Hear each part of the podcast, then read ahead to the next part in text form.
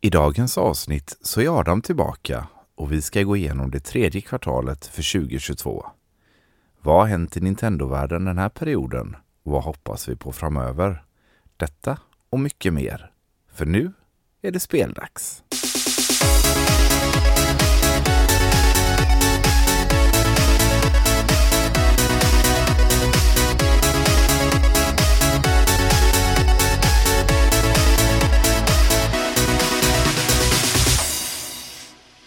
Hej och välkomna till ett nytt speldagsavsnitt. Första avsnittet med eh, stammisen Adam för den här säsongen. Välkommen tillbaka till Speldags Adam.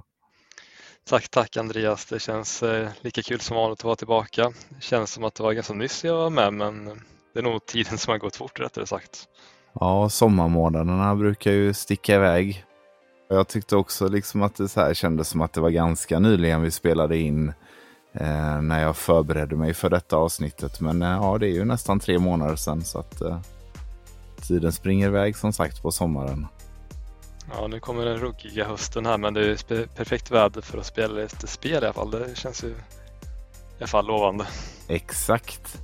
Och eh, det brukar ju komma en del spel under hösten idag och det är det vi ska snacka lite om. Vi har ju vänt på ordningen. I vanliga fall så brukar vi ju prata vad vi har spelat och vi, vad vi har eh, köpt i första avsnittet och sen eh, snacka vad som händer i Nintendo-världen i andra avsnittet. Men eh, från och med nu så byter vi ordning på dem.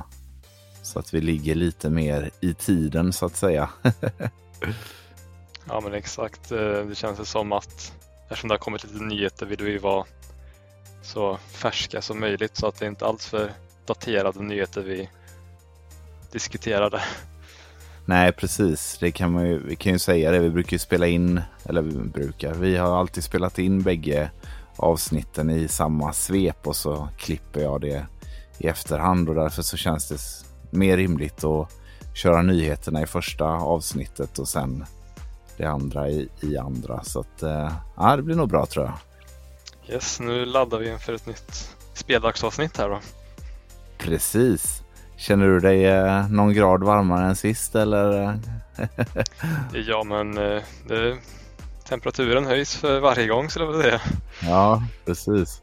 Jag har ju faktiskt haft ett lika långt eh, uppehåll som dig nästan. Jag tog ju sommarlov efter vårat sista avsnitt. Jag hade en ja, en liten sommarspecial då, men uh, utöver det så har jag ju varit ganska så poddfri här de senaste månaderna så att jag känner mig nästan lite nervös jag med nu inför det här. men uh, vi ska ju snacka Nintendo Switch såklart som vi alltid gör och uh, det har ju varit en Direct här den 30, 13 september. Vi hade ju inte så mycket nyheter innan dess. Det var väl Bayonetta utannonserades väl innan den directen. Men utöver det så har det ju varit ganska så eh, dött från Nintendo. Ja, det har varit väldigt torrt eh, på nyhetsfronten där så jag, jag, tror du sa det sist vi snackade lite förra kvartalet där att du förväntar dig en direct eh, antingen i augusti eller september va? Ja, precis för att just då var ju var det ju väldigt okänt vad, vad som kommer hända. Då hade ju inte ens Bayonetta utannonserat så man visste liksom nästan ingenting till hösten. Eh, och så kom ju den här partner showcasen då kring E3 som vi pratade om sist och även om det var en eh, väldigt bra partner showcase så var det ju fortfarande inget Nintendo eh, ägt där liksom. Så att eh, det kändes ju rimligt att det skulle komma någonting ganska så snart. Eh, och det gjorde det ju som sagt eh, några veckor, ja, en månad senare ungefär den 13 september. Så eh, vi kör igång och snackar lite om vad vi fick se på den directen.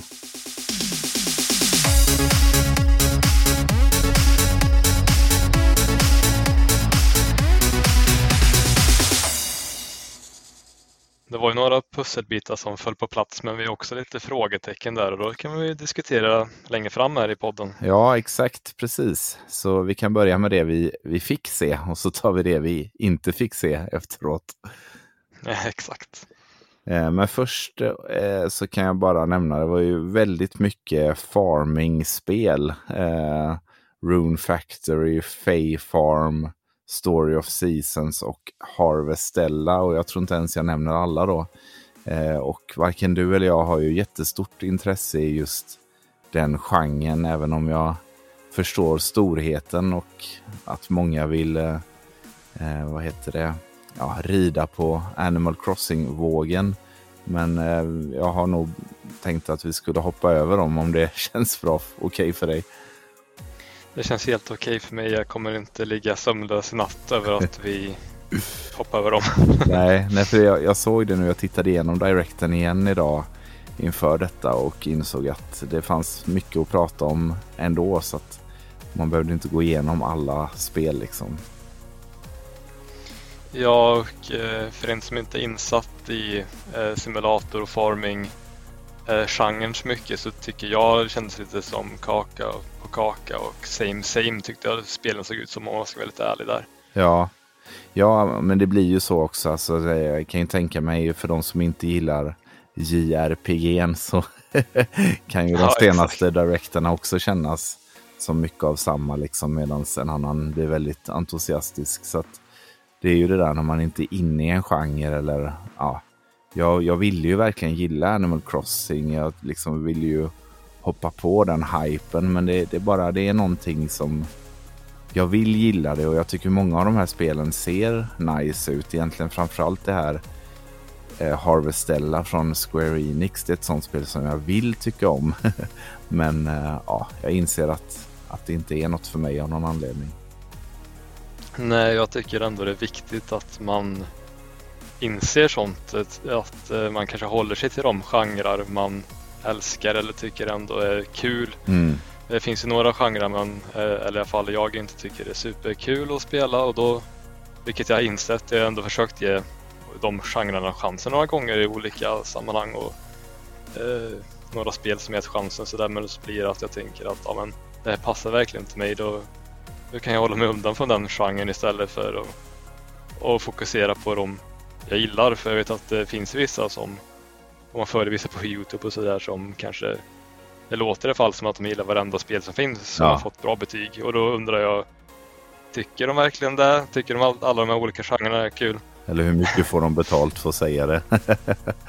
ja, eller hur. Ja. Eh, men eh, det kan ju vara så att man tycker att alla olika genrer är kul och då är det ju bara kul för den. Men mm. jag känner ändå att jag har tillräckligt att spela eh, och lite för mycket egentligen. Exakt, det är ju inte så att varken du eller jag måste leta efter nya spelupplevelser utan tvärtom. Det är, det är svårt att hitta tid för allt man vill spela. Så att, att ge sig in i genrer eller spelserier som man inte är intresserad av det det utrymmet finns helt enkelt inte. Liksom. Det, är en, det är en lyx vi inte kan unna oss. Nej, men jag håller med och eh, jag tycker ändå eh, att vi har väldigt bred spelsmak båda två. Mm. Eh, och det syns ju på våra backlogs också. För jag har ju kompisar som kanske frågar lite tips och sådär, har svårt att hitta ett nytt spel medan jag själv tänker, ja okej, okay, det är en någonting inte jag har problem med. Nej, liksom. precis. Hur är det ens möjligt? ja. ja. men för att eh, komma tillbaka till direkten här så eh, inleddes den ju eh, i mitt tycke otroligt starkt. Eh, ja, första spelet som visades upp var ju då Fire Emblem Engage. Eh, ett helt nytt spel med eh, Ja, det ser väl ut som att det är Three Houses-motorn, men jag tyckte ändå att det såg eh, ännu mer eh, visuellt imponerande ut och eh, eh, ja, kul inslag med Marth då som, som är som spelbar karaktär och jag vet inte, allting, musiken och allting, det jag fick bara eh, ja, gåshud faktiskt när jag såg detta live när det sändes. Eh, det enda som jag inte riktigt gillade var väl namnet på spelet. Det är så jävla eh, generiskt typ, eller vad man säger, generic. Eh, engage liksom. Ja, men det håller jag med om. Ja, men eh, Three Houses var ju kanske inte så jävla kul namn heller för den delen. Så att, eh, eh, men bortsett från det så kändes det som att det kryssade i alla mina boxar för vad som gör ett bra Fire Emblem-spel. Så att, eh, sjukt taggad på det. Hur, eh, hur kände du? Eh, nej, men jag håller med allt du säger där. Jag kanske kan dra ner själva nivån på hur taggad jag är något snäpp, ja. men jag tyckte att jag var hur nöjd som helst med hur den började för eh, jag körde ju inte för allt för länge sedan igenom eh, Fire Emblem Free Houses där vi pratade om det tror jag förra kvartalet faktiskt. Just det. Eh, det är ju ett projekt jag har kört ganska länge på men jag tyckte ju det var ja, ett av de bättre spelen till Switch. Och, ja, det ser ut att vara mer av samma. Eh, kanske mer åt det lite mer klassiska hållet. Eh, Fire Emblem, lite mer åt eh, Awakening kanske någonstans, någonstans där. Mm. Eh, det såg ut som att de kanske skippar den här skoldelen. Just det. Alltså den tyckte jag var kul men det roligaste med Fire Emblem är ju själva striderna och så. Ja, så att... verkligen det var ju någonting som jag kände. Jag spelade ju om. Jag spelade ju igenom två av de tre husen. Eh, och när jag påbörjade det tredje något halvår eller år senare så var det väl kanske just den delen som kändes repetitiv, alltså skol, mm. springa runt i skolkorridorerna-delen.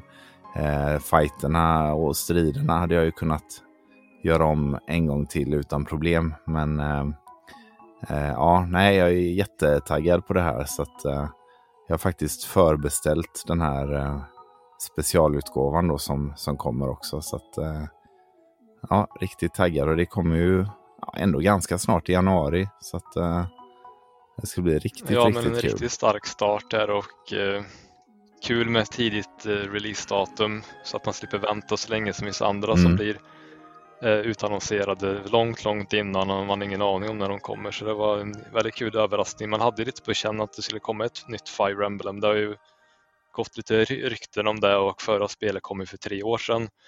De har ju pump, pumpat ut, vet mm. inte om det är rätt ord, men det kommer väl en tre olika spel till 3DS där så det, det kändes ju som att det var dags för ett Just det. Och Morph är ju också en favoritkaraktär för mig när jag kör Smash-spelen ända sedan Melee där. Just det. Eh, till Game, GameCube ja. där så jag var ju riktigt nöjd med att han eh, var med. Jag vet inte vad för typ av roll han kommer ha heller, om det är bara ett gästspel eller om han kommer ha så Hörde någon sa att han eventuellt är en sån här som kan framkallas eller något sånt där. Jag vet inte riktigt hur det kommer funka men Nej. kul att han är med i alla fall. Sen vet jag inte riktigt vad jag tyckte om den där Joy-Con inspirerade frillan på huvudkaraktären. Jag vet inte riktigt vart jag ska landa. typ det, antingen typ gillar det eller inte. Jag vet faktiskt inte riktigt. Alltså, eh, det, det, är ju speciell frilla i alla fall, det kan vi vara överens om. ja, verkligen. Men det känns som att det måste ha något med, eh, alltså i och med att eh, det här rödblåa då som var hans eh, frisyr är ju en del av logotypen. Så det känns ju som att det har någon någon annan koppling än att det bara är en fräsig frisyr. ja, men exakt. Jag tänkte också på det, att det är kopplat till något typ av system i spelet. Eh, så det ska bli kul att se vad det är för något. Ja, precis. Någon bakgrundslore mm. eller något. Eh, ja, nej, jag tyckte att det var kul och det är fan sjukt egentligen för att Fire Emblem då som från början var en obskyr, enligt IVS i alla fall, en obskyr japansk serie som tog sig fram lite halvbra här på GameCube och Wii och DS och Game Boy Advance då såklart. Eh, och sen var det liksom, nej, vi kanske lägger ner den här serien liksom och så kom Awakening som sista hoppet och nu eh, så är det liksom ett av de största, eh, största spelserierna som Nintendo har ändå liksom och de har det som mm. första spel i Directen och så vidare. Så att, det känns ju skitkul för, för oss som älskar serien. Eh, ja, och eh, jag, jag, kanske inte framstår som att jag är världens största fan bredvid Andreas här men, men jag kan ju faktiskt eh, säga att alltså, jag gillar det så pass mycket faktiskt att jag skulle kunna säga att det är topp tre JRPG-serier för mig. Final Fantasy, Persona ligger nog före för min del mm. men det skulle nog hamna på topp tre i alla fall. Jag vet inte om jag glömt någon. Har du säkert? Tror du? Ja det har jag säkert, garanterat. ja. Men just här och nu så ser ställningen mm. ut så. Det Ja men exakt. Ja, precis. Är det topp ett för dig eller? Ja, det vet inte tusan, jättesvårt att svara på. Men det, ja, det, det, den har ju jag tycker att Fire Emblem har sin eh, egna stil som, som är väldigt eh, ja, men på något sätt egen och, och, stark och, väldigt, och tilltalar mig mycket. Liksom. Jag älskar ju stridssystemet och tycker karaktärutvecklingarna är alltid liksom välgjorda och framförallt här i Three Houses liksom fick man ju mycket eh, och också att man kan välja ganska mycket själv hur djupt man vill gå i den delen. Om man vill liksom grotta ner sig jättemycket i story och sådär så kan man göra det. Men, men bryr man sig inte lika mycket eller om man inte känner för det just den dagen så kan man liksom gå in och köra strider utan att få massa story nedtryckt i halsen. Så att, ja, jag tycker den, det, det, det är skräddarsytt för mig i alla fall. mm. Kul. Ja, så det var första spelet. ja. Eh, jag har skrivit upp här i alla fall på listan att nästa som de visade upp, och det var väl nästa i turordningen också, var ju uh, It takes two. Som är mm. den svensk, svenska studion, uh, som jag inte minns vad den heter, men det är i alla fall en av de här Fares-bröderna. Alla verkar ju vara superduktiga i den här familjen, för det är ju en som är tårtmakare och en som är skådis och så är det den här då som både gör film och gör spel. Så att, um, ja, eh, verkligen imponerande. Men, eh, Kreativa gener där. Ja, verkligen. Eh, men ja, det spelet skulle äntligen komma till Switch då. Och gameplayet är ju mycket upplagt på att man spelar tillsammans då, precis som deras förra spel Brothers. Mm. Ehm, och det ser ju jättenice ut tycker jag. Eh, var det här någonting som du hade spelat eller? För det finns ju på Playstation och så vidare. Eh, ja, jag har kört alla deras spel. Jag tror de har gjort tre stycken. Mm. Hazelight Studios tror jag de heter. Ja, om jag inte missminner mig. Ingen någon klocka i alla fall. Ja, ja jag har kört Brothers till Switch också. Jag har kört även det här Way Out som de Just bara släppte till PS4. Mm. Så körde jag det här med en kompis på PS4 också eh, faktiskt. Det var nog Ja, det var nog tidigare i år i vintras där någonstans. Så jag tycker det är perfekt spel att köra med sin sambo, mm. bästa vän eller ovän. Ja. ja, bara, bara köra med någon. Det är underbart eh, co och pusslande och man jobbar ihop. Eh, kul story, en liten twist på, på storyn där. Eh, det är ju en, två stycken som är gifta som känner att de ska separera och så hamnar de i en låtsasvärld på grund av att deras dotter inte vill att de ska separera då, så hamnar de i den här låtsasvärlden och får lösa saker tillsammans. Och, ja, så får man ju se hur det slutar sen då men mm. eh, skitkul story och eh, roligt och extremt varierat. Det gick från ena stunden till ett plattformsspel till eh, något flyg spel att man skulle flyga igenom någon sektion till att man helt plötsligt körde någon Street Fighter version mm. mot någon uh, vet ekorre i militärdräkt typ. Alltså det är ja. verkligen så här Shit. skitvarierat. Ja, vad roligt ändå. mm. Ja. Så det rekommenderar jag starkt faktiskt. Ja, vad kul. Det enda som, som jag såg som var negativt är ju att det släpps fysiskt men med download code. Eh, och det gillar vi ju inte. Det är ett litet eh, tumme ner från oss skulle jag säga va? Ja, verkligen. Eh, det är som vi har sagt tidigare att jag tycker inte ens det räknas som, som ett släpp fysiskt. Då kan man lika gärna skita i det liksom.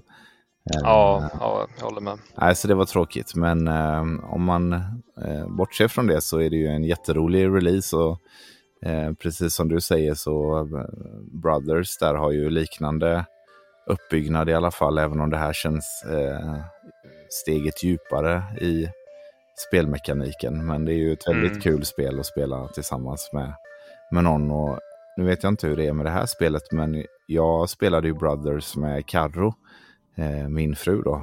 Och eh, hon mm. är ju inte en gamer direkt sådär, men det var ändå liksom uppbyggt på ett sånt sätt att man kan spela det med någon som, en, som inte är så van att spela liksom. Eh, och det är ju jätteroligt att kunna engagera även de som inte är så engagerade i, i något och att man kan ha roligt ändå. Ja, exakt. Eh, det är ju perfekt spel och kanske få någon att börja spela lite också. Ja, men precis. Kom igen nu, Karo. Efter det så eh, visar de ju upp eh, Fatal Frame, Mask of the Lunar Eclipse. Eh, mm. Det är ju i den här ja, Fatal Frame-serien som har funnits i 20 år eller någonting kanske. Eh, och det här som jag förstod det var någon remake på ett Wii-spel som Eh, jag tror inte har släppts i väst. Men jag var inte riktigt säker. Jag har inte gjort tillräckligt med research. Men eh, eh, också, jag skrev upp det här. Det, det, är ingenting som tilltalar mig. Jag är inte sån skräckentusiast. Men jag tycker ändå att det är kul att spel som framförallt är stora i Japan ändå tar sig till till väst. Liksom. Och det här är ju ett sånt spel, en sån spelserie som jag vet är väldigt populär i, i Japan. Då, så, att, eh, så därför tyckte jag ändå att den skulle vara med.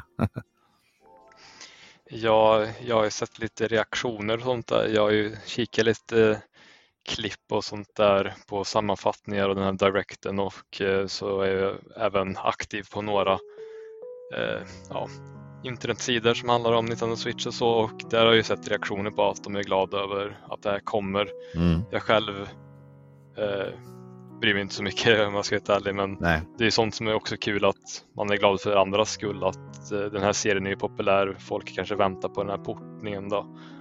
Eh, jag gillar ju väldigt mycket skräckspel själv men det känns lite också som att för min del blir det typ att kan jag spela väldigt eller realistiska kanske är fel ord, men med realistisk grafik åtminstone på PS5 typ. och sen ska jag spela någon portning från ett Wii-spel som ser lite halvknackigt ut. Eh, för mig blir det i alla fall när jag spelar skräckspel att grafiken gör rätt mycket i om jag blir rädd och får rätt stämning eller inte. Mm. Är det något som ser ut att vara 20 år gammalt så tänker jag lite på det liksom om du ja. förstår vad jag menar. Ja, men det, tar den ut ur känslan lite i alla fall kanske. Mm. Ja. Det är en sån genre jag tycker eh, grafiken är lite viktig på, alltså för, för min del. Sen är jag inte så jättegrafikkåt eller man ska säga, men Nej. just den genren tycker jag, när jag vet att det finns spel som eh, ser väldigt realistiska ut och verkligen bidrar till riktigt läskig stämning så skippar jag de här. Då, ja. Som ser lite... Det blir väl också det när man, ja. om, man, om du väl har spelat spel som är, ser mer realistiska ut så kanske det är svårt att så att säga gå tillbaka till spel som inte gör det. För eh, om man spelade det här när det begav sig med grafiken så var nog det läskigt då liksom. Ja, ja exakt.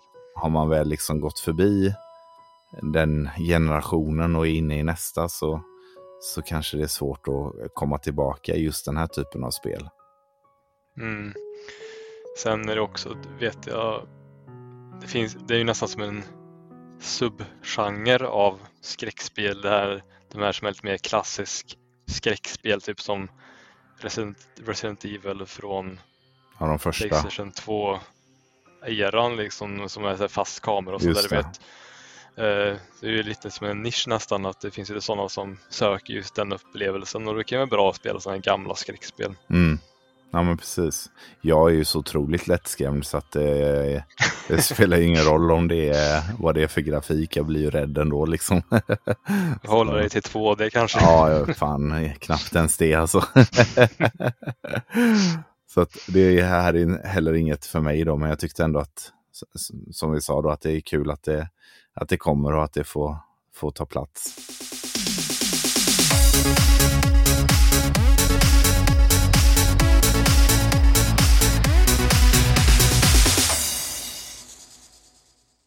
Efter det så har jag skrivit upp eh, Svampbob bara, kort och gott. Mm. Eh, jag kommer inte ihåg vad det hade för undertitel, men eh, det var ju ett eh, väldigt charmigt 3D-plattformsspel som jag blir ju direkt sådär. jag tycker inte, det kommer inte tillräckligt med 3D-plattformsspel tycker jag. Så att när de väl dyker upp, även om det är licensspel, så tycker jag att det är kul. Ehm, jag kommer nog inte köpa det här själv så för att det, jag är inte så inne i svampbob-låren. Men eh, jag tyckte att det såg väldigt eh, snyggt ut och mysigt. och ja, Få lite så här vibbar tillbaka till, Playstation 2 och GameCube-eran när eh, 3D-plattformare verkligen hade sin storhetstid. Så att eh, jag tyckte ändå att det var ett kul inslag och eh, stark kontrast då till, eh, till Fatal Frame där till exempel. Var det något som du eh, kom ihåg särskilt? Eh, nej, jag minns inte det förrän du tog upp det faktiskt, men eh, nu när du sa det så eh, nej, men jag är lite inne på samma bana som dig där att eh, jag håller med om det här om att det är för lite 3D-plattformar är en, en av mina favoritgenrer genom tiderna. Mm. Eh, kanske ska hålla lite koll på spelet när det väl släpps eftersom jag är intresserad av den genren men det lutar ju åt nej i dagsläget för jag testar ju det här eh, vad fasiken heter det där? i alla fall. Ja, Bikini ja. Square Bottom någonting. Det är jättelång titel i alla fall. Ja. Men eh, det, det, är ju verkligen upphypat. Jag körde inte det när det begav sig. Det skulle vara så himla bra liksom. Mm. Och jag, jag, tyckte inte det var så jättekul så det blir så här, var inte ens det kul för mig så vet jag inte om jag kommer tycka det här Svampbob-spelet är kul. Men ja, vi får se. ja, jag hade ju lite samma upplevelse för jag spelade ju inte det när det begav sig det här, eh, den här remaken som kom för två år sedan. Eh, men jag hoppade också på den hypen och köpte, köpte det. Och jag fick väl inte heller riktigt den här känslan, men sen har jag förstått att även de som har varit jätteentusiastiska inför det här har ju också blivit besvikna för de tyckte att de hade tagit bort mycket av det som gjorde skärmen med det gamla GameCube-spelet. Mm. Så att, eh, det här är ju från en annan utvecklare, eh, om jag förstod det rätt. Och eh, ett helt nytt spel. Så att, eh, men eh, fördelen med de här licensspelen är ju att eh, köper man dem inte direkt så brukar de ju oftast Eh, ner lite i pris efter ett tag. Så då kanske man kan fynda det för 199 nästa Black Friday eller någonting. Ja men exakt, det känns som ett spel som jag i alla fall kommer hålla ett öga på. Mm. Dock ett skeptiskt öga. ja precis. Ja, och man har ju lite sån här inbyggd skeptism till allting mm. som är licensspel också. Eh, jag pratar mycket om det i eh, mitt avsnitt där jag rankar mina topp 10 licensspel. Eh, att det, det, har ju ett eh, ja, dåligt rykte helt enkelt. Att eh, spel som är baserade på en, en film eller en serie eller sådär oftast är något havsverk liksom som görs för att tjäna in lite snabba stålar inför någon premiär eller, eller liknande. Men, eh, men det här kommer ju från ingenstans lite grann. Alltså Svampbob är väl inte så eh, levande längre, eh, vad jag vet i alla fall. Så att eh, då kanske det ändå, det känns som att det lilla man fick se att det ändå är ett eh, ja, projekt gjort mer av kärleken av pengar var min eh, första reaktion här i alla fall. Så får vi se om det håller hela vägen. Ja, time will tell. Precis. Efter Svampbob så hade vi Tunic. Och det har väl du lite mer att prata om eller säga om? Ja, där blir jag taggad bara att höra det namnet faktiskt. Eh, det är ju sånt där spel som ja, alla som har lyssnat på den här eh, podden vet nog vid det här laget att jag är ett väldigt stort Zelda-fan. Mm. Nämner nog varenda gång jag är med. ja, tåls att nämna. eh, exakt. Nej men så det är ett spel som jag faktiskt fått upp ögonen på för det släpptes ju först bara till Xbox och till PC. Mm. Eh, sen blev det ju utannonserat till PS5 för ja, några veckor eller någon månad innan den här direkten och då började jag fundera lite på det kanske kommer till Switch och det är ju en sån där typ av spel som jag känner att det passar väldigt bra in på Switch. Eller så, hur? Det, eh, känns, ja. det känns som ett Switch-spel liksom. eh, ja, så jag är verkligen taggad på en eventuell fysisk utgåva som nog kommer, tror du inte det? Jo, det tror jag faktiskt. Det känns som att eh, eh, hypen kring den, det här spelet är stor nog för att det ska komma en fysisk utgåva. Om inte via någon vanlig eh, retail så borde ju åtminstone någon av de här eh, Limprint-företagen snappa upp den. Så att, eh, det tror jag 100% att det kommer komma. Eh. Ja, det känns lite oundvikligt där. Ja, eller hur? jag tänkte direkt eh, när jag såg, för jag såg ju den här directen live då. Eh, och direkt när det dök upp, dels så vet jag ju att du har pratat om det innan. Men sen så kände jag direkt vad det här är ett eh, Adam-spel. så att, eh, men det ser ju väldigt eh, härligt ut. Alltså jag gillar verkligen artstylen och eh, ja, det har ju också nämnts tidigare, men jag har ju någon förkärlek till att spela spel där man är en räv och det är man ju i det här. Då, mm. så att, en sån konstig förkärlek på något sätt. Men ja, det är någonting med, med just rävar som, eh, som är fascinerande eller ja, fint. Eller hur man nu vill säga. Ja, exakt. Och det är sånt här spel som det har ju redan släppts på Xbox och PC så det har ju redan fått jättebra kritik. Så det är sånt här spel som jag är redan är säker på att jag kommer skaffa om det kommer fysiskt. Ja, när, så, när det kommer fysiskt. Ja, exakt, när det kommer ja, fysiskt. Där. Vi, eh, vi kan nästan... Kan skriva under på det. Ja, men precis, det känns så. Eh. Nej, men eh, det, det som är en lite rolig twist med det här spelet, jag vet inte jättemycket om det, det ser ut att vara en en Zelda-inspirerat spel som sagt, ett äventyrsspel. Det som är lite kul är att man får inte eh, någon hjälp i spelet på ett klassiskt sätt som att veta att du ska hit och hit utan man får typ som pusselbitar. Mm. Man får typ en eh, del av en manual eller typ man säger. Typ man får, man, när man progressar genom spelet får man typ en liten del att så här gör du den här grejen, så här använder du det här itemet. Eh, så man får typ lista ut själv typ nästa steg. Man får typ ingen klassisk typ ja, quest eller man säger utan man bara ger sig ut i det tomma och så får man typ hitta pusselbitar själv och Nästan fylla upp den här. Metroidvania-aktigt kan man säga. Att ja, där, lite åt det hållet. Här, kan jag inte, här måste jag ha ett dubbelhopp och det har jag inte än. Så då inser jag att jag kommer inte vidare här liksom.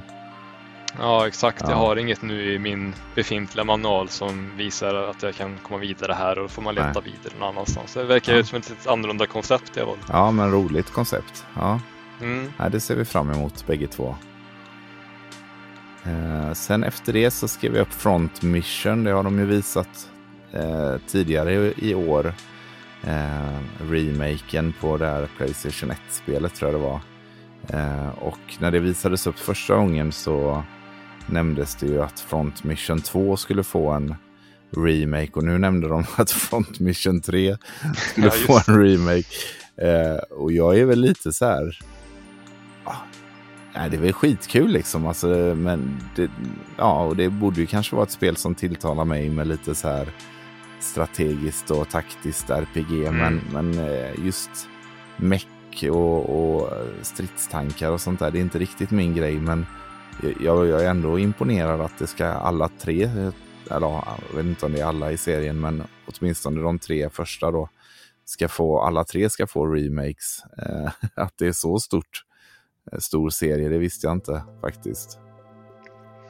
Nej, också lite märkligt tycker jag väl att de redan får Innan ens Eller första har släppts. Ja, ja exakt. Vad händer om det blir förlopp? Liksom? Ja, precis. nej, nej, för det känns som att det andra måste ju nästan, ska de släppa dem tre år i rad då eller någonting? För det känns som att det andra borde ju nästan börja närma sig att vara färdigt då om de vågar utannonsera det tredje. Så att, eh, ja, det var lite speciellt. Det var, det var mest därför jag skrev upp det, för att det var så ja, konstig grej exakt, liksom. Eh, ja, exakt. Jag vet inte hur efterfrågan ser ut på det här spelet, men eh, det känns lite som risky business tycker jag. Men ja. vi får väl se. Ja, nej, nej, men precis. Men sen blir det ju lite så också när man är i sin, sin egna sfär och kanske de som man pratar spel med och sådär tycker lite likt en själv och så. Eh, och är det då någon, någon, något spel eller någon serie som, som ligger utanför så får man ju inte de intrycken liksom. Eh, jag har ju till exempel ingen nära vän eller så som, som är jättenostalgisk till Playstation 1.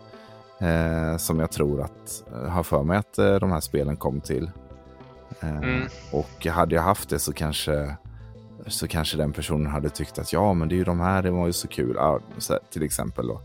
Eh, men ja, ändå kul och det känns som att Square Enix måste ju ha liksom enorma resurser för de bara pumpar ut spel för oavsett vad man tycker om, om liksom gameplay eller eller liksom karaktärer så ser det ju ändå ut som att det, det ligger mycket jobb bakom det. Det ser ju verkligen högkvalitativt ut. Så att, eh, ja, Square, Square Enix har ju verkligen steppat upp gamet här tycker jag de senaste åren. Ja, de pumpar ut spel som du säger och eh, det är ju inte bara att de pumpar ut spel, det är mycket intressant som kommer från Square Enix tycker jag. Så att, ja, ja och stora spel. Det är mm. inte så här att, mm. alltså, nu låter jag raljant här, men liksom att pumpa ut 2D-plattformar, det, det förstår man ju att det kräver ju mycket mindre resurser än att göra liksom stora JRPG eller taktiska RPG eller vad det nu kan vara liksom som ändå är Square Enix nix, äh, nisch liksom. Så att, ähm, mm. ja, nej, men kul ändå även om det inte tilltalar oss. Nej, exakt.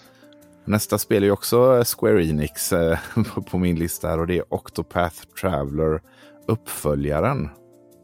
Mm. Vad äh, tänkte du när det dök upp på skärmen?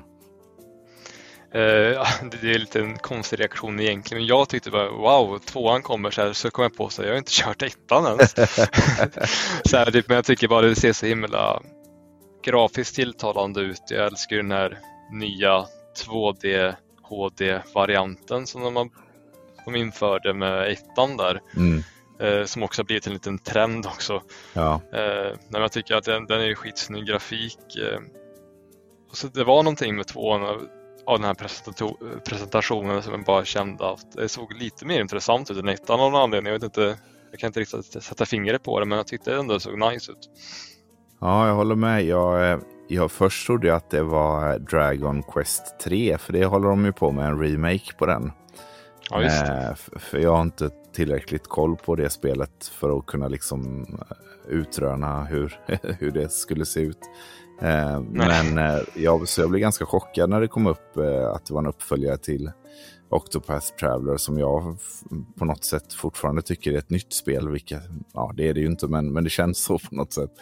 Ehm, så att, eh, men jag håller med dig. Jag tycker också att jag har spelat eh, lite av ettan. Absolut inte klarat det eller ens kommit halvvägs, men jag har kört några timmar. Ehm, och vad jag förstår lite grann efter att ha sett andras reaktioner som är insatta i serien så känns det som att eh, den här tvåan då kanske ska vara lite mer, eh, vad ska man säga, eh, ja, lite mindre snack och lite mer verkstad. Om alltså det ja, var, okay. var ju väldigt mycket dialog i början på första spelet. Eh, och eh, vad jag har hört, jag vet inte huruvida det stämmer, men, men eh, så ska det väl fortfarande såklart vara tjockt med story och så vidare, för det är ju uppskattat, men att det kanske var något nedtrimmat. Eh, men något som slog mig som, som jag tyckte det var ju att eh, dels då så tyckte jag att det var otroligt snyggt. Eh, även om det är samma motor så känns det som att, som att de har uppat grafiken ändå.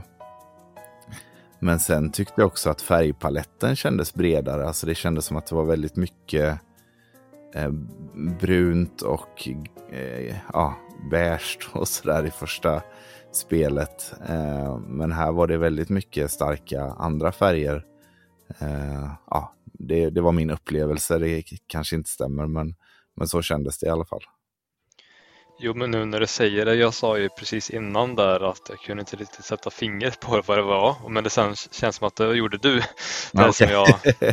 Men det känns lite som, ja, men nu när du sa det, typ, ja men det var nog det som var skillnaden från ettan som jag tyckte varför det här såg bättre ut då. Ja, ja nej, så det blir spännande och det ska också få en snygg eh, Collectors Edition som eh, mm. jag ska hålla ögonen öppna för. Jag har ju det första spelet på i samlingsutgåvan. Så att... Ja, det är sånt här spel som med tanke på den grafiska stilen och den fina designen är det nästan svårt att göra en ful Collector's ja, Edition. Ja, precis. Och det är ju också någonting med just den här 2D-HD som känns ganska tidlös. Jag menar, alla älskar ju fortfarande Super Nintendo-grafiken. Mm. Eh, och det här är ju liksom bara typ steget upp då, eller hur man nu vill uttrycka det från det. Så det känns inte som att om inte Super Nintendo-grafiken har blivit utdaterad på 30 år så lär ju inte den här bli det heller. Liksom. Nej, alltså de indiespel man spelar nu på switchen eh, som har riktigt snygg 2D eh, grafik är ju de som man vet, det kommer ju alltid hålla om man plockar upp dem om tio år. Ja, Medan eh, de PS5-spel jag kanske kör nu ser de väldigt bra ut då, men det kan ju faktiskt vara så att man tänker, ja men gud, det är ännu bättre om 10-15 år säkert liksom så att Ja, om spelgimmicken ligger mycket i eh, den grafiska prestandan så finns det ju alltid risk att det blir utdaterat liksom. Eh, Mm. att, eh, ja. Men eh, ja, kul med tvåan. Väldigt förvånande för min del. ja, lite, lite en överraskning så. Ja,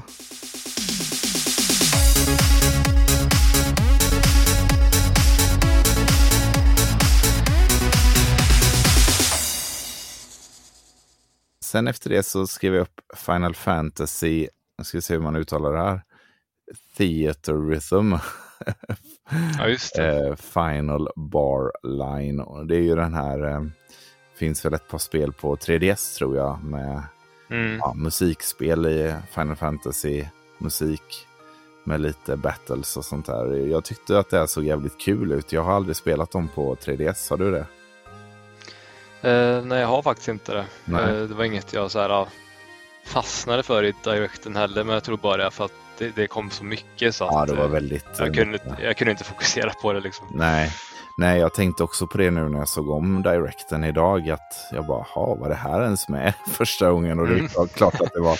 Eh, men det var flera spel, till exempel det här Svampbob-spelet. Det hade jag, kommer jag inte ihåg från första gången jag såg. Men eh, eh, det var väl mycket av de här liksom, så, så att säga mindre intressanta spelen som, som försvann lite. Men eh, jag tyckte i alla fall det här såg kul ut. Jag tycker att eh, musik och rytmspel kan ju vara väldigt roliga eh, när man väl sätter sig, sätter sig med dem. Men eh, det är väl bara att jag inte gör det så ofta. Jag har inte så många sådana längre. Eh, jag vet jag har något på eh, Octahedron tror jag det heter. Eller, o- ja, Mm. hur man uttalar det. Eh, som Super Rare Games släppte. Det, det är ett plattformsspel som är väldigt rytmbaserat. Och det är ju riktigt kul att köra. Eh, men det är också sådana spel som man kanske kör i en timma eller en och en halv timma och sen så dröjer det ett tag innan. Det är liksom ingenting man sitter och nöter dag efter dag eh, eller så. Men jag tyckte ändå det här såg schysst ut faktiskt. Så att, eh, om det inte blir för dyrt så kanske det trillar hem när det väl är dags. Ja, det är en sån här genre som jag gillar väldigt mycket förr. Eh, Mm, när det var den här Guitar Hero Rockband just det. eran där, då spelade jag väldigt, väldigt mycket sånt där. Eftersom jag gillar musik och taktkänsla och sånt där. Mm, Men eh, jag har nog kommit ifrån det lite och det känns som att det ska nästan se väldigt, väldigt bra ut för att jag ska ge ett nytt spel chansen. Det kommer inte så mycket heller. Och de som väl kommer ser väl ändå, det ser okej ut men det är inget som jag känner att det här ska jag verkligen, eller vill jag testa. nej, Eh, det var det här Cadence of Hyrule. Eh, Just Jag var ju tvungen att testa för att det var Zelda. det. Zelda ja. men eh, det var ju egentligen typ bara så här, Jag tyckte nog grafiken, var, eller grafiken, jag tyckte nog musiken var det som tilltalade mig mest och inte själva gameplayet egentligen. Där. Nej. Nej, jag hade väl samma upplevelse där som du då. Jag köpte ju också det. Eh, men eh, nej, det, var, det gick inte riktigt hem hos mig eh, heller. Däremot så, ja, som sagt, jag tycker att det är väldigt kul med sådana här rytmspel. Men ofta så är det så mycket extra grejer till, typ som den här eh, Taiko, eh, ja, vad fan det nu heter, Taiko Drum Master. ja, de här trumgrejerna. Ja, precis. Eh, visst, det går ju att spela utan trumman, men, men ja, det ser ju mycket roligare ut med. Och eh, jag har liksom inte utrymme för att ha massa sådana extra prylar. Det var väl massa plats i spelrummet. Ja, nej, inte riktigt. Eh, men eh, nej, så att, eh, så att jag tyckte väl att det här såg kul ut också av den anledningen att det var liksom, det känns verkligen som att det är perfekt för, för Switch och handhållet Mm. och, och så, precis som 3DS-spelen. Så att, ja, kul inslag ändå. Återigen då, Square Enix. ja, exakt. Jag Ja. får lite flashback till eh, Donkey Konga faktiskt när vi Just pratade det. om, ja, om eh, rytmspel. Det tyckte jag var lite roligt för det kunde hela familjen vara med på att trumma på de här trummorna. Ja, och det var ju det som var så kul med även med Guitar Hero. Att eh, jag vet när jag köpte det till Playstation 2 då att min mamma kom in och testade liksom och, och sådär när jag spelade hemma hos min bror då som fortfarande bodde hemma. Eh, så att, eh, det är ju det som är väldigt roligt med, med sådana spel att det, det kräver ju liksom ingen, ingen gamer för att tycka att det är kul och det, det är ändå roligt. Ja, det är få spel som eh, kommer upp i den nivån men det finns ju några inom tiderna som har gjort det och det, mm. som du säger, det är skitkul när det händer när, man, när alla samlas och spelar. Så. Ja, precis. Man får dela med sig av sitt intresse. mm. Eh, efter det så fick vi se lite mer av eh, Mario plus Rabbids eh, som kommer nu i höst. Och jag tycker väl att för varje gång de har visat det spelet så går det från klarhet till klarhet. Det blir, eh, ser ju otroligt snyggt och roligt ut. Så att, eh, behöver inte gå ner in på djupet. Det har väl nämnts i bägge tidigare eh, avsnitt. Men eh, jag vill ändå nämna det för att jag tycker att det ser så jäkla snyggt och kul ut. Och Ja, men jag håller med där och typ, eh, på alla punkter egentligen. För jag känner ju också typ som du där att det känns bara som en självklarhet. Men det där Eh, kommer bli ett bra spel, kommer vara ett bra strategispel. Typ, det känns nästan som en garanti typ tycker jag och, eh, och därför känns det som också som att det är inte så mycket mer att säga om det. Typ, gillar man strategispel känns det som att det är ett spel man ska testa, typ så känns det som. Ja, och jag tycker också att de lyckas så bra med just mixen av att få in liksom Mario. Det är inte bara ett strategispel där man droppar Mario för att sälja några fler exemplar utan det känns verkligen som ett Mario-strategispel och det har de lyckats väldigt bra med med första spelet och jag tycker nog att de har tagit det steget, steget vidare i detta vad, vad man kan se på, på trailers och så. Så att, eh, jag är riktigt peppad på det här. Ja, de har verkligen använt Mario, Mario varumärket eh, till max tycker jag Ubisoft är för eh, hade de inte sagt att det var från dem och sagt att det var en first, first party-titel så hade jag ju inte tvekat på det liksom. Nej, nej precis. Nej, de har ju eh, riktigt snygga karaktärsmodeller och sådär så att eh, ja, riktigt kul. Sen fick vi ju se lite mer eh, uppdateringar från Nintendo 64 som nu finns på Switch och eh, lite fler spel som skulle släppas. Men det som stack ut det var väl att Golden Eye äntligen får en eh, kommer ja, på Virtual Console som det inte heter längre men i, hos mig het, kommer det nog alltid heta det. men eh, det tyckte jag ändå var kul och eh, de har lagt in Co-op online också så att eh, ja, det var ändå värt att nämna tycker jag. Ja, alltså, jag spelar inte så jättemycket de här olika Switch Online eh, varianterna. Man blir ju nästan lite sugen på att ta upp Goldeneye eh, och bara testa. Sen kan jag ju aldrig tro att det har åldrats bra med tanke på att det var typ första FPS-spelet någonsin typ. Men det är väldigt nostalgiskt då, eh, det är det Ja, verkligen man får väl ha mycket, mycket eh, på nostalgikontot för att eh, uppskatta mm. Goldeneye. Det är ju verkligen inget spel som man kan sälja in till någon som inte upplevde det när det väl begav sig. Liksom. Eh, men jag tycker ändå att det är kul. Det är ju liksom Microsoft som äger Rare som gjorde spelet och sen är det ju dessutom då ett Bond-spel där någon filmstudio, vad det nu är, Universal eller vad det kan vara, som äger den licensen. Men sen så äger ändå Nintendo en del. Ja, det är ju det är så himla många eh, personer som, som ska bli eh, glada av, en, av eh, att få till den här releasen. Så att eh, jag tycker ändå att det är kul att, att man har lagt mycket tid på att det väl ska komma. Liksom, för att det är ju ändå ett eh, legendariskt spel på många sätt. Ja, och det är jättekul att eh, själva den här delen 1964 lagt till. Jag vet att det har varit många som efterfrågat det och jag är glad för alla som vill spela de här gamla spelen. Själv känner jag att jag har för mycket annat att spela. Jag, har inte, jag känner inte riktigt det här behovet av att jag behöver gå tillbaka och spela de spelen jag redan har kört för länge sedan. Speciellt 64 också, har inte åldrats superbra så jag hade ju typ hellre kanske sett remakes på några av dem där eh, för att ge dem en ny chans kanske man behöver nästan sätta på sig sina bästa nostalgiglasögon för att njuta helt av ett gammalt 64-spel. Så kände jag lite när jag körde Mario 64, även fast det är ett av mina favoritspel. Att ja, det, kameran och sådär, det har inte åldrats på det bästa alltså. Nej, nej precis. Uh, nej, exakt. Det är verkligen så. Man, eh, jag tycker också Super Mario 64 är också ett av mina absoluta favoritspel. Liksom och, och så. Men det, det, är, det är, där är det liksom svårt att, att älska varje sekund av det när kameran blir så svår eller vad det mm. nu kan vara. Så att, uh, ja, men uh, oavsett, kul att man lyckats, lyckats få till det. Liksom. Ja, verkligen. Uh, vi kan bara tillägga, fan vad grymma vi var på den tiden. Och när man klarar av allt det där med skitdålig kamera. Ja. Då hade vi inga problem. Nej, men man hade väl inte så mycket till val heller. Nej. sen fick vi det tredje spelet i Atelier Risa-serien.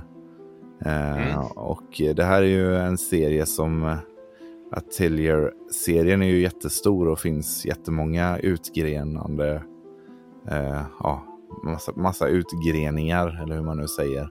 Mm. Mm, men de här Risa-spelen har ju eh, fått väldigt god kritik, både ettan och tvåan och eh, ja, nu kommer det tredje spelet då i januari och det är väl eh, tvåan kommer väl också i januari så att eh, det är ja, bra fart även på dem.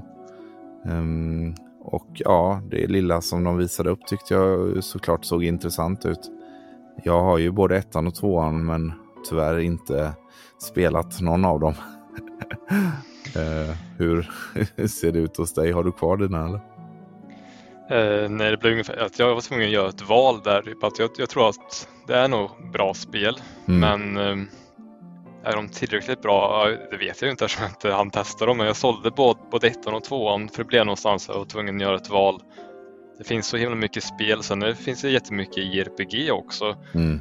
Eh, så jag har inte tid alltså. Typ, det blev typ att eh, vissa spel, ja de får tyvärr inte chansen och typ, det blir lite typ att man får nästan lägga upp alla JRPG bredvid varandra och tänka vilket av de här kommer förmodligen gillar minst då. Alltså det ser ut som bra spel men ska jag jämföra typ med Cineblade då säger vi. Så mm. tror jag att det tilltalar mig bättre om man bara tänker på den grafiska stilen. Jag tycker det är lite väl eh, så här, japanskt eller man säger nästan. Det är väldigt, väldigt japanskt det där uh, Atelier serien. Uh, uh, ja, jag vet inte hur jag ska beskriva det men du vet lite väl det är väldigt feminina ja, drag på vissa karaktärer. Ja, stora tuttar helt enkelt. det, är det, det, är det du vill säga. ja, det jag vill men inte vågar. Nej, precis. nej, nej, men, precis. men det är samma jag... som tar upp skär, halva skärmen och det blir så bara att ska jag välja på något blir det att du får nu nästan gå på själva typ grafikstilen vad jag gillar bäst. Liksom, typ. Mm. Då tror jag hellre vill kanske satsa på ge Sinoblade-serien en ny chans och testa dem till exempel. Bara för. Men det ser ut som en bra JRPG. Det ser absolut ut som den bästa delarna av Atelier-trädet eh, eller vad man säger. Ja, ja men precis. Eh, ja, och de verkar vara väldigt omtyckta också. Jag tycker jag ser dem lite överallt omnämnda som eh, spel man borde köra och sådär. Så att ja, vi får väl se om jag plockar upp tredje spelet. Det är ju också någonting med just eh, Koei Tecmo då som, som publicerar de här spelen att de verkar ju ha en begränsad retail för jag vet att ettan ganska länge var väldigt eh, svår att få tag i, bara den vanliga utgåvan. Så det gör ju ja, att eh, när FOMO-delen i mig eh, ringer högt. Så att då blir det direkt så här, ja det måste jag skaffa när det kommer ut så att jag inte missar det liksom. Um... Ja, men det var ju så jag kände lite typ när jag såg trean. Det... Alltså jag har ändå gjort ett val men blev ändå så här, hmm, ja, lite FOMO nu. Nu kommer trean, det ser bra ut. Ska jag köpa om alla tre eller? Typ, nej Adam, du har gjort ett val. ja, men precis. Och det är väl egentligen eh, skönt att ha gjort det. ja, exakt. Som vi sa i inledningen så finns det ju mycket att, mycket att spela och mycket att köpa ändå liksom. Eh, sen hade de ju lite uppdateringar till lite olika eh, Nintendo-spel. Det var Golf till Switch Sports. Eh, flera banor till Mario Kart och även uppdateringar till Mario Strikers. Eh, och jag skrev egentligen upp det här för att mest för att jag tycker att det är B att inte golfen låg på Switch Sports från början. För att just golfen i ja, Wii Sports då tyckte jag ju var fruktansvärt rolig. Det spelade jag ju mycket. Mm. Eh, vad säger du som golfentusiast?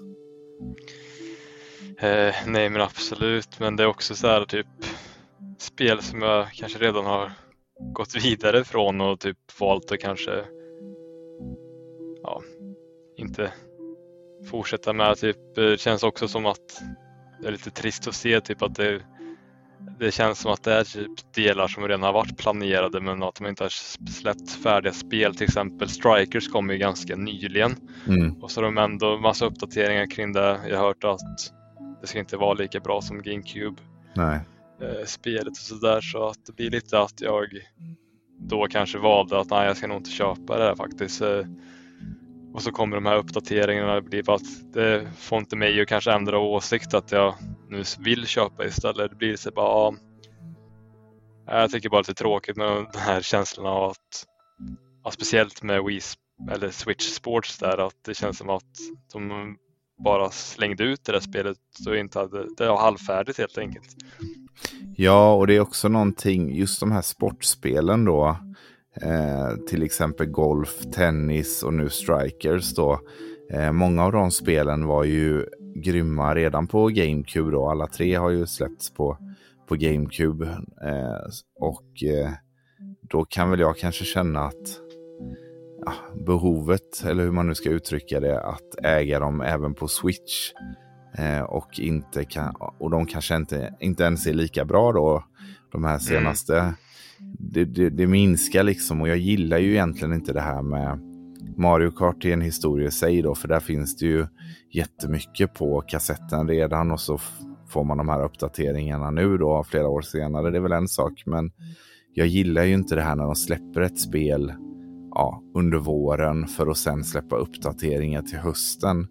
Eh, framförallt då som på Switch Sports här där golf liksom är en av de stora delarna av originalspelet och så och de utannonserade ju till och med från, från början när spelet skulle släppas att ja, och golf kommer senare i år. Mm. Men fan, släpp spelet senare i år då istället tycker jag eh, med golf på kassetten. Det, blir, det är någonting som bara ja, triggas i mig i det och eh, jag förstår precis vad du säger just det här att det ökar inte. Har jag gjort valet att inte köpa spelet eh, så ökar inte det här eh, min känsla för att vilja köpa det heller faktiskt. Eh, utan, ja, jag ska inte säga att det är tvärtom, men, men eh, nej, jag tycker bara det är en lite tråkig trend som jag eh, hoppas försvinner helt enkelt. Ja, så man kan förstå en business-synpunkt varför de gör det, men det är lite tråkigt från oss eh, och vi som är kunder då. Slutkunderna där som ska köpa och spela spelen. Eh, det har ju blivit rätt vanligt att de utannonserar ett spel och i samband med utannonseringen så eh, hypar de upp det expansion pass och redan har DLC på gång och där kommer om en månad. Det är typ det värsta jag vet faktiskt. Ja. Som gillar att klara kanske allt i ett spel och sånt där ibland tycker jag bara är tråkigt när man vet att jag kommer inte ha klarat allt för snart kommer det en, ett nytt kapitel i det här spelet. Liksom. Exakt. Nej, och det värsta med vissa sådana uppdateringar det kan jag ju tycka även på till exempel Breath of the Wild eller eh, Three Houses. Det är ju när det kommer stora delar DLC som troligtvis aldrig kommer släppas fysiskt.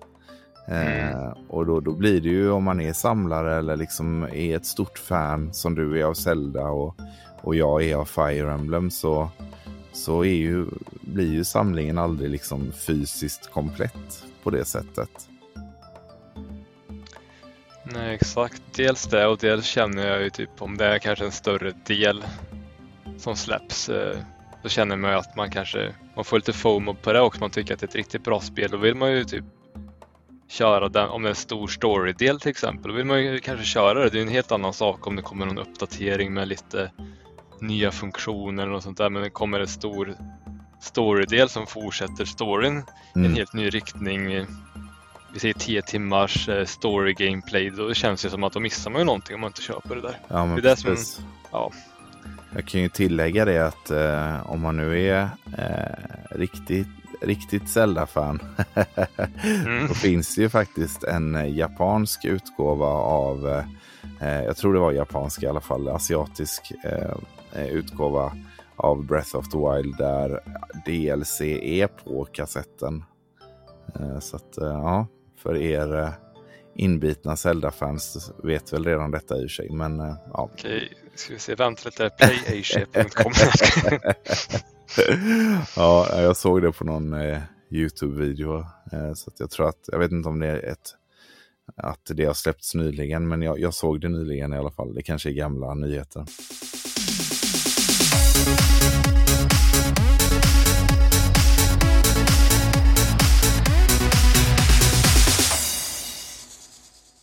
Från det ena till det andra.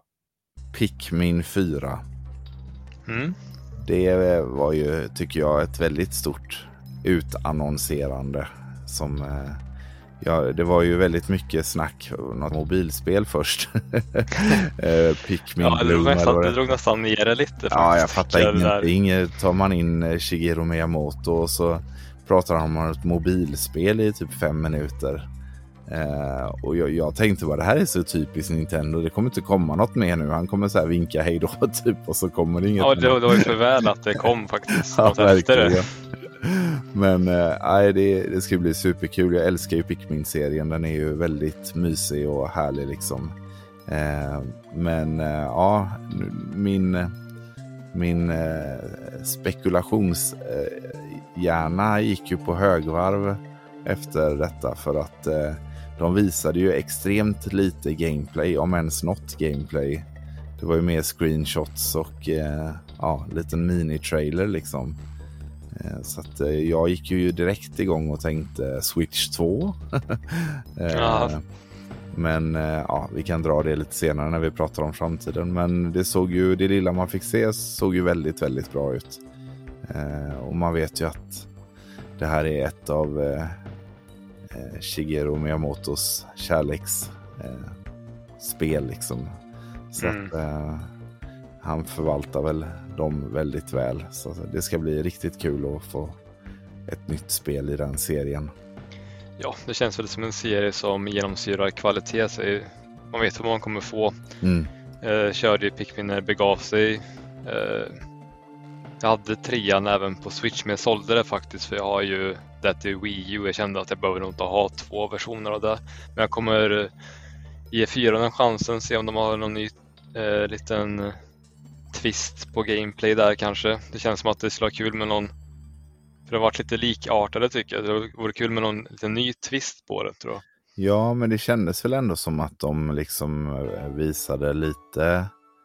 Ja, jag minns inte exakt nu, jag har inte det tillräckligt färskt men, men det kändes som att det var något. Lite nya aspekter till det liksom.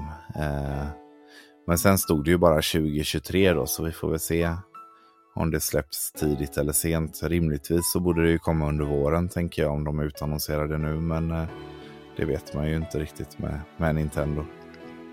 Ja, vi fick ju se väldigt lite. Det var verkligen en bara teaser för att ändå vara nästa år och vi inte Ja. hört talas om det innan. I alla fall inte Nej, det har annat väl- än ryktesvägen. Exakt, och det har väl ryktats om det i tio år nästan känns som. Så att, eh, och efter Pikmin så fick vi ju, apropå eh, hur Nintendo kan vara, men då fick vi ju se lite mer av Bayonetta 3 som även det hängt i luften i några år.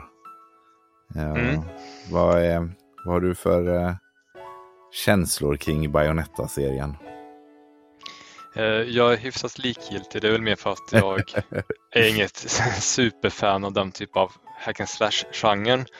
Eh, Nej. Men typ det, det var så typ, jag gillar ju typ Devil May Cry och eh, Bayonetta så har jag kört lite och, av några andra. Jag tycker det är helt okej. Det, är- det är rätt kul. Eh, nu ska jag inte dra ner på genren, men jag tycker ju själv det är lite hjärndött att vara, men det kanske är för att jag själv är så himla dålig på, på det, så det blir att jag kör lite button mashing bara på de här Ja. spelen. För jag orkar inte sätta mig in i kombinationer och så, så att Nej. eh, det är kanske jag som är hjärndöd rättare sagt. men eh, ja, missförstå mig rätt men jag tycker det blir lite, för min del blir det mer att jag button mashar och det är inte så jättekul spelupplevelse, men ja, det, det kan vara kul ibland, men jag tror också sånt där spel som, jag har ju kört de tidigare delarna till typ Wii U och sånt där så att jag tänker jag kommer nog säkert testa det här, sen får vi se om det stannar i samlingen eller inte men jag är ju också skitglad för de som gillar det här för det är ju ett av de absolut bästa hack and slash-spelen där ute. Mm. Nej, Vad jag, känner du? ja, men ganska e- exakt samma som dig. Jag har ju också liksom, det här är väl också en sån här genre som jag egentligen vill gilla för att eh, det är ju något visst när man spelar sådana spel och får till de här kombinationerna och sånt där. Eh, jag vet, jag gillade ju verkligen de första God of War-spelen som man ändå Ja, får det. säga är hack and slashiga. Eh, Mm, så, verkligen. men där var det ju så himla tydligt liksom med vilka, hur man gör en kombination. Det, det, spelet höll ju en lite i handen liksom och, mm, och så. Eh, men när det blir för komplicerat så, så blir det också att jag mer eh, landa på att sitta och button smasha och då förlorar man nog mycket av charmen med spelet och mycket av ja, känslan av att klara en fiende liksom med en häftig kombination och sådär. Så att eh, nej, jag har inte riktigt landat i de här spelen. Eh, men jag tycker, ja, bortsett från det så ser det ju väldigt bra ut och det var ju väldigt snyggt liksom. Så att, och en release-dag ganska så snart, redan i, i oktober. Så att, eh, nej, det är roligt och kul att det äntligen får släppas. För det känns som att spelet har väl varit klart ett tag. De har väl bara väntat på grönt ljus från Nintendo mer eller mindre. Så har känslan varit i alla fall. Ja, exakt. Och det känns som ett sånt här spel som ja, nästan prenumererar runt 90-snittet där på betygsskalan. Så eh, sån här, också sådana här spelserier som är väldigt mycket kvalitet liksom. Så det ska bli kul oavsett om jag själv tycker det är eh, kul att spela eller inte. Ja, ja men precis. Och eh, jag såg också, apropå Bayonetta, att eh, det första spelet ska få en eh, release på Switch, i alla fall i USA, en amerikansk utgåva. Jag vet inte om det kommer någon europeisk för eh, andra spelet har ju fått en fysisk utgåva där första spelet var med som eh, download code då. Men eh, nu ska även första spelet få en vanlig fysisk release. I alla fall i USA som sagt. Så att, eh, hoppas det kommer till Europa också. Men eh, det är ju bra för, för oss samlare och eh, Bayonetta-entusiaster där ute. Så att, eh, det är kul. Mer fysiska spel till alla. Ja, jag håller med. Skitkul. Efter Bayonetta så skrev jag upp Rain Code. Kommer du ihåg det? Eh, Oj, det har jag nog inte lagt på minnet. Vad var det för spel? Alltså det, det är eh, från utvecklarna av den här Danganronpa-serien. Jag tror det uttalas så. Ja, just det, just det. Ja, det var eh, lite så här. Det hade någon undertitel tror jag. Mystery. Ja, mystery. Ja, något typ av detektivspel som jag förstod det i alla fall. Eh, jag tyckte att det såg supercharmigt ut. Väldigt eh, egen grafisk stil som ur ett perspektiv kanske kan kännas föråldrad. Men jag tyckte att den kändes väldigt charmig sådär. Eh, jag fick väl inte jättestort grepp om vad det var för typ av spel. Men jag tycker att det helt klart såg intressant ut. Ja, eh, jag har för mig att jag eh, inte tyckte Danganronpa var så kul när jag testade. Mm. Eh, så kanske inte någonting för mig. Eh, och det roliga med det är väl att jag precis satt och sa tidigare i podden här att ja, men jag eh, har så bred spelsmak och sen sitter jag och ratar varenda genre. ja. Nej, men det var också det som genomsyrar lite eller visar att det kanske inte var 100% en direct som var anpassad för just min typ av spelsmak. Eller fastän jag har ganska bred smak så var det ju det var ju rätt mycket i RPG-hållet och ja men, ja du förstår liksom, det var, Mm. det var lite inriktat mot en viss typ av spelgrupp skulle jag kunna säga. Ja, det var ju väldigt, eh, för ett brist av bättre uttryck, eh, väldigt japansk direct. Ja, ja men, jo men det var det. Eh, så. Eh, men jag kan väl ändå tycka att, eh, ja, att det är kul. Alltså, mm, tv-spel började ju i mångt och mycket, i alla fall den historia som vi har vuxit upp med är ju därifrån. Liksom. Så att, eh, det är ju någonstans hemmaarenan. Liksom. Det var ju ganska länge som vi i väst inte fick ta del av alla de här eh, skumma spelen och så. Så att jag Ja. tycker nog att det ändå är positivt att, att eh, fler får tillgång till mer. Liksom. Eh, så. Och eh, ja, på tal om eh, JRPG så skrev jag upp Tales of Symphonia remastern. Mm. Ytterligare ett spel som jag vet att du eh, inte tyckte såg så intressant ut. Eh, nej, det var väl mer typ av grafikstilen där kände att ja, det tilltalar mig inte riktigt. Sen tycker jag ju om Tales-serien däremot. Mm. Ehm, Har du Men, spelat eh, eh, GameCube-spelet? Alltså, Alltså jag har ju testat det minns jag men jag tror inte jag klarade det. Det var väl också brist på, på tid liksom. eh, mm. Även på den tiden hade jag brist på, på tid. Men eh, ja, jag- har kört det vet jag men eh, tror inte jag klarade det när det begav sig. Eh, sen vet jag ju som vi diskuterade lite, vi brukar ju alltid prata med varandra lite antingen eh, i telefon eller på text. Oftast är det väl text i alla fall, bara våra första tankar efter directen. Och Mm. jag har ju ett i pipen redan som jag vill spela till så för Rise till PS5 Just det, som Ja, är det den färskaste delen. Och, precis. Det blir ju väldiga kontraster mot, mot detta då såklart ja, och det ser väldigt fast ut och då blir det väl lite typ som, ja jag kan väl säkert tänka mig kanske eventuellt köpa Tales of Symphonia eh, remaken där eller remastern på sikt. Men eh, jag kommer ju prioritera att köpa den där Rise-spelet först i så fall och det är väl om jag får mer smak efter det. Jag kanske kikar in närmare på detta spelet då. Mm. Ja, jag, jag hade ju lite motsatt reaktion. Jag blev ju eh, väldigt peppad så. För att, egentligen mest för att det är ett spel som ligger mig väldigt eh, varmt om hjärtat. Det är ju ett av mina favorit eh, JRPG, eller framförallt eh, mitt Mm. bästa JRPG-minne från förr. Ett av de första faktiskt som jag spelade när det väl begav sig. Eh, och eh, ja, Så att jag, jag blev ju väldigt nostalgisk när jag såg detta och, och det är ju verkligen en Ja, det är en remaster och inte en remake. Så att det, det är ju en HD-version av originalet mer eller mindre. Och eh, ja, nej, för mig så eh, blev det väldigt nostalgiskt. Eh, men jag kan också förstå att man, om man inte har den kopplingen så, så eh, vi har ju pratat lite om det innan med de här Playstation 1 eh, remasters som känns lite nästan åt det lata hållet. Mm. Eh, Så jag kan väl ändå eh, köpa den aspekten då. Men här blev det ju väldigt tydligt att nostalgihjärtat tog över. Så att, ja, jag tycker att det är väldigt roligt. Jag kommer nog köpa det bara enbart för att äga det liksom. Mm. Ja, för det kan vara lite olika typer ibland. Typ, ibland känner jag typ, ja, jag kan ju ta det exemplet eh, som inte är någon chockartat direkt, men typ kommer ett nytt Zelda eller nytt, ett nygammalt Zelda om vi säger att Twilight Princess skulle komma till exempel. Mm. Då kommer jag ju, jag är sånt Zelda-fan så jag känner att jag vill bara köra det på nytt på en ny plattform.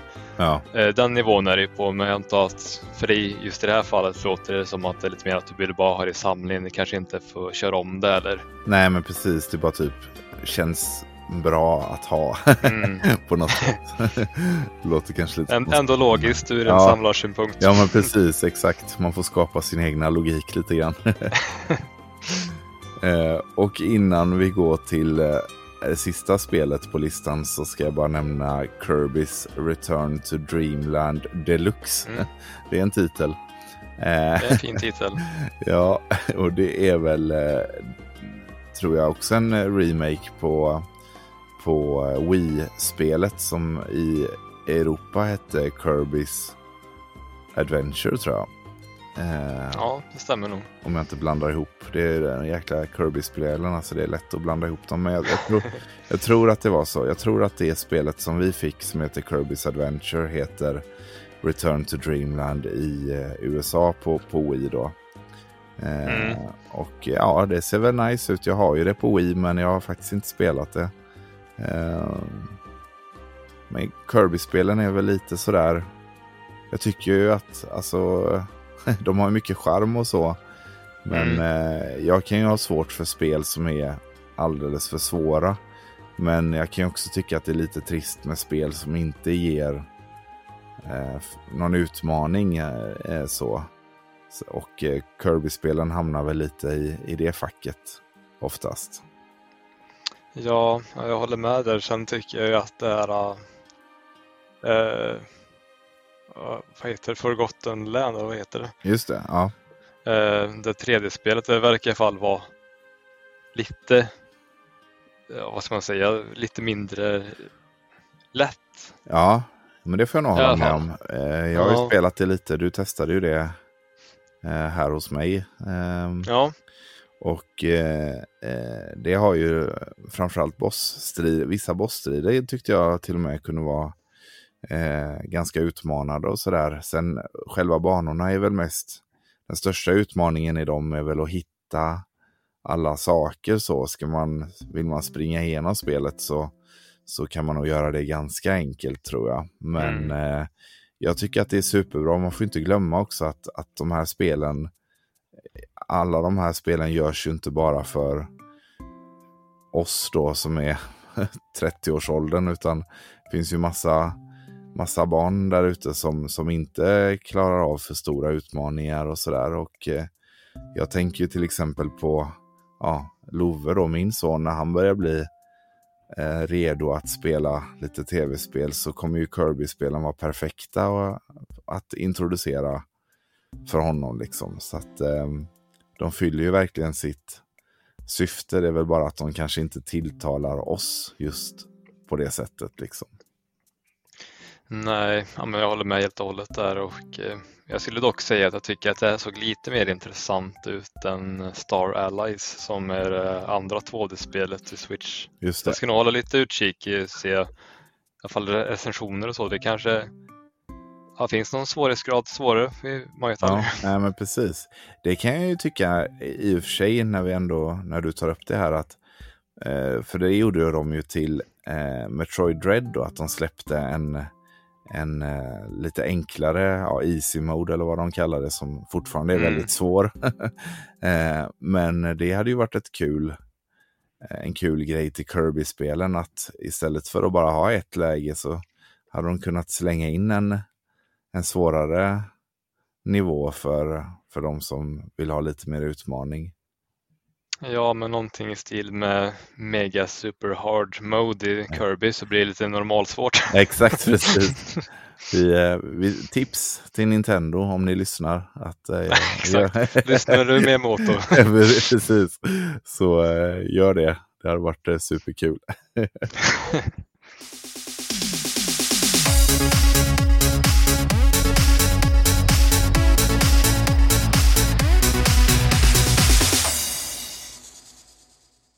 Det tar ju oss till finalen för den här directen.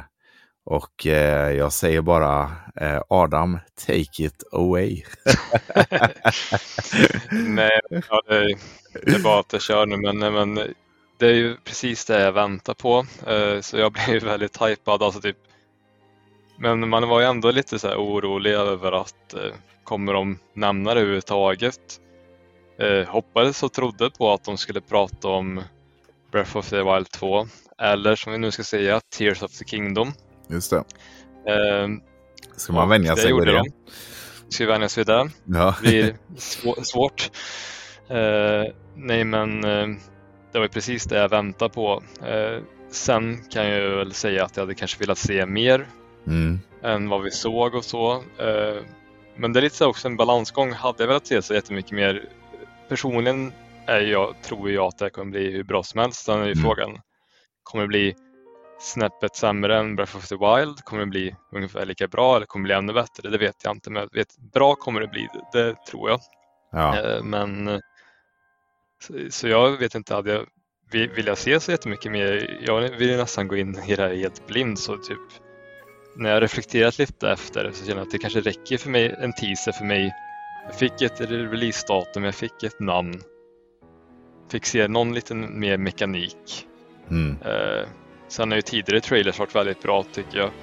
Eh, så det är väl mer att man hade önskat se en ordentlig trailer men samtidigt blir det ja, jag, jag är ändå nöjd över, över den biten.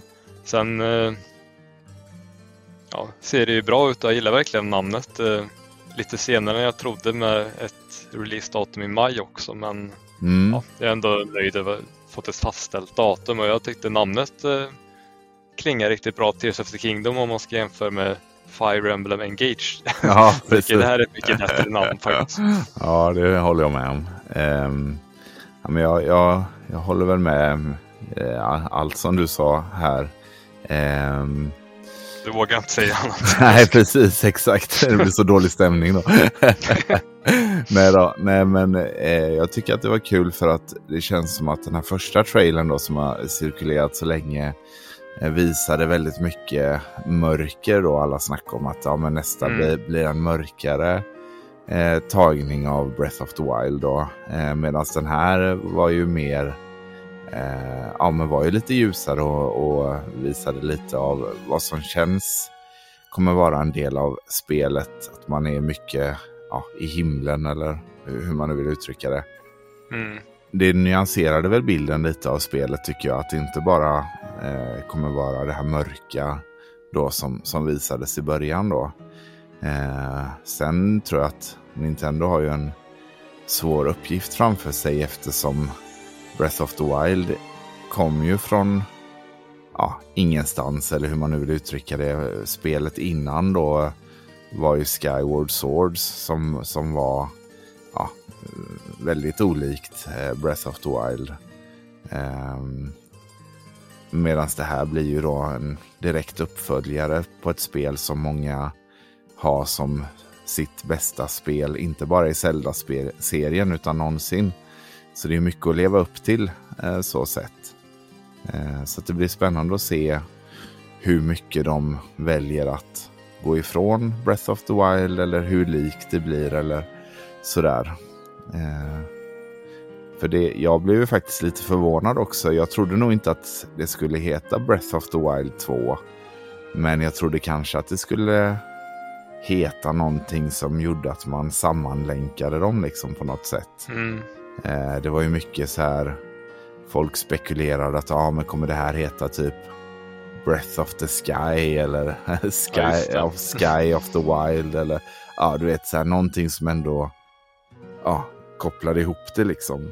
Men um, eller att det skulle få en undertitel då, men det hade ju blivit så jävla långt liksom. The Legend of Zelda, Breath of the Wild, Tears of the Kingdom.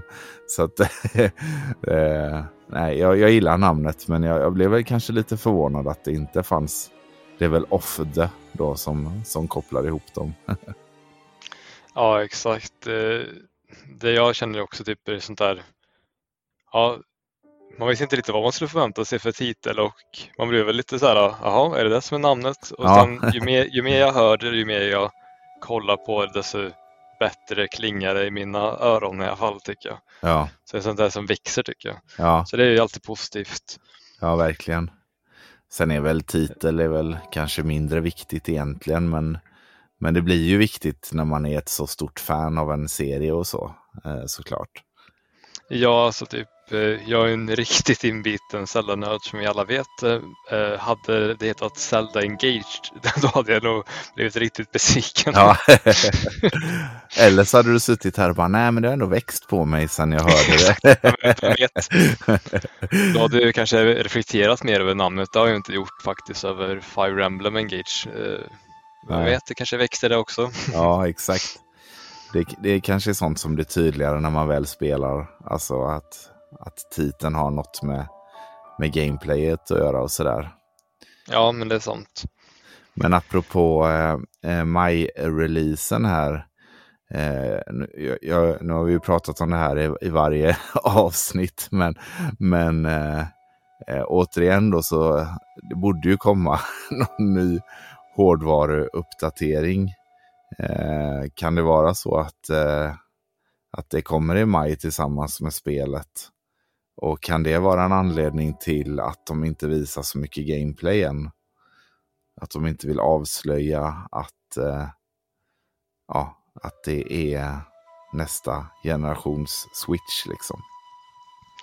Eh, jo, men det är en intressant teori tycker jag. Eh, och det kan ju faktiskt vara så att det är anledningen till att det är i maj. Det kan ju vara så att det här spelet är i princip klart kanske med att de vill lansera i samband med en ny hårdvara. Mm. Som du säger där, så det kan ju vara att de kanske först planerar i maj, eller i mars säger vi, mm. fem eller sex år blir efter Breath of the Wild.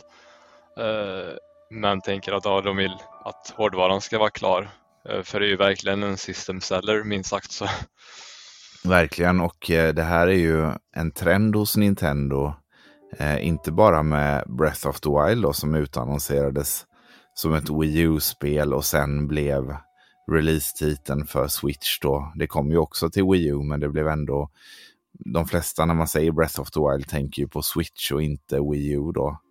Eh, mm. Och precis på samma sätt var det ju med Twilight Princess som utannonserades till GameCube men sen blev förflyttat nästan två år då för att bli release-titel till Wii då. Så att eh, det här är ju ändå en trend hos Nintendo.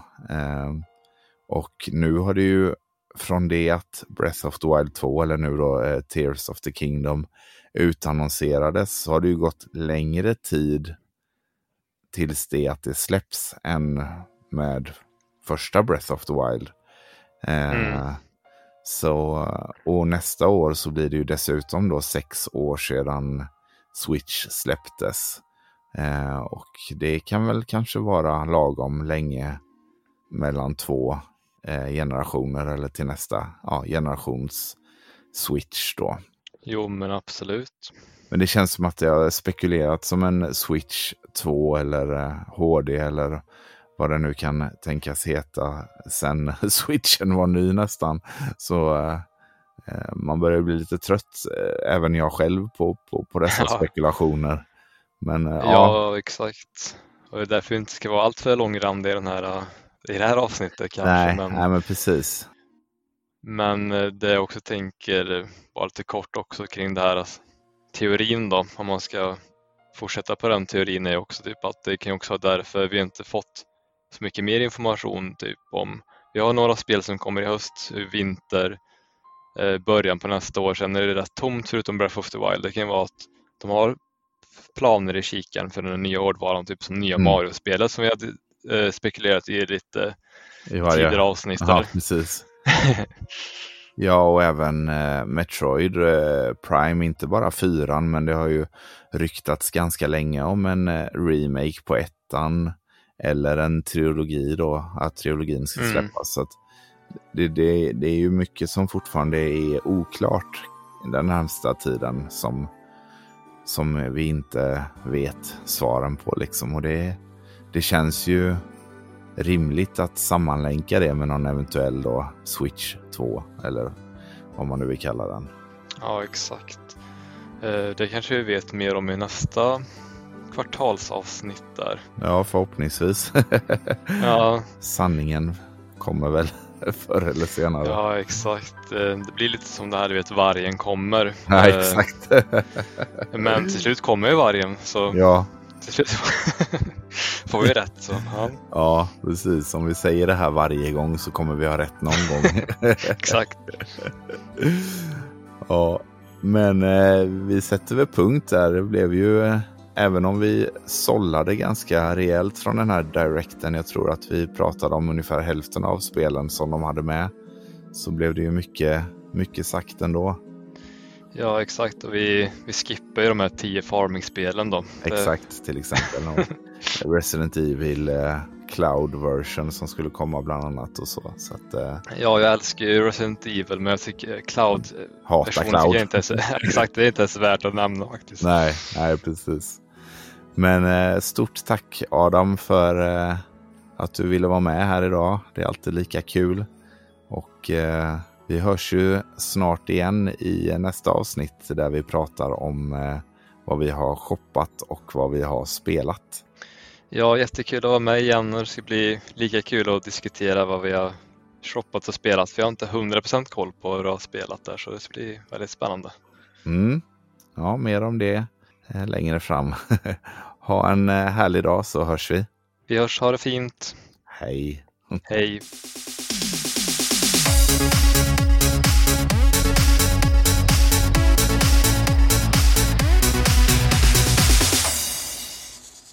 Tack för att du har lyssnat. Vill du stötta podden så finns numera Speldagsklubben. Som betalande medlem i Speldagsklubben får du bland annat tidigare tillgång till poddavsnitten, möjlighet att rösta fram kommande avsnitt, rabatt på merchandise och mycket mer. Du får även ett klubbkort hemskickat som du kan imponera med. Läs mer på patreon.com speldags. Du får gärna lämna ett betyg eller skriva ett omdöme i den app du lyssnar på. Det hjälper podden att synas i de olika algoritmerna. Följ mig även gärna på Instagram. Där heter jag kort och gott Speldags. Önskar du komma i kontakt med mig så går det bra att mejla till speldagspodcast@gmail.com. Ha en härlig dag så hörs vi i nästa avsnitt. Hej!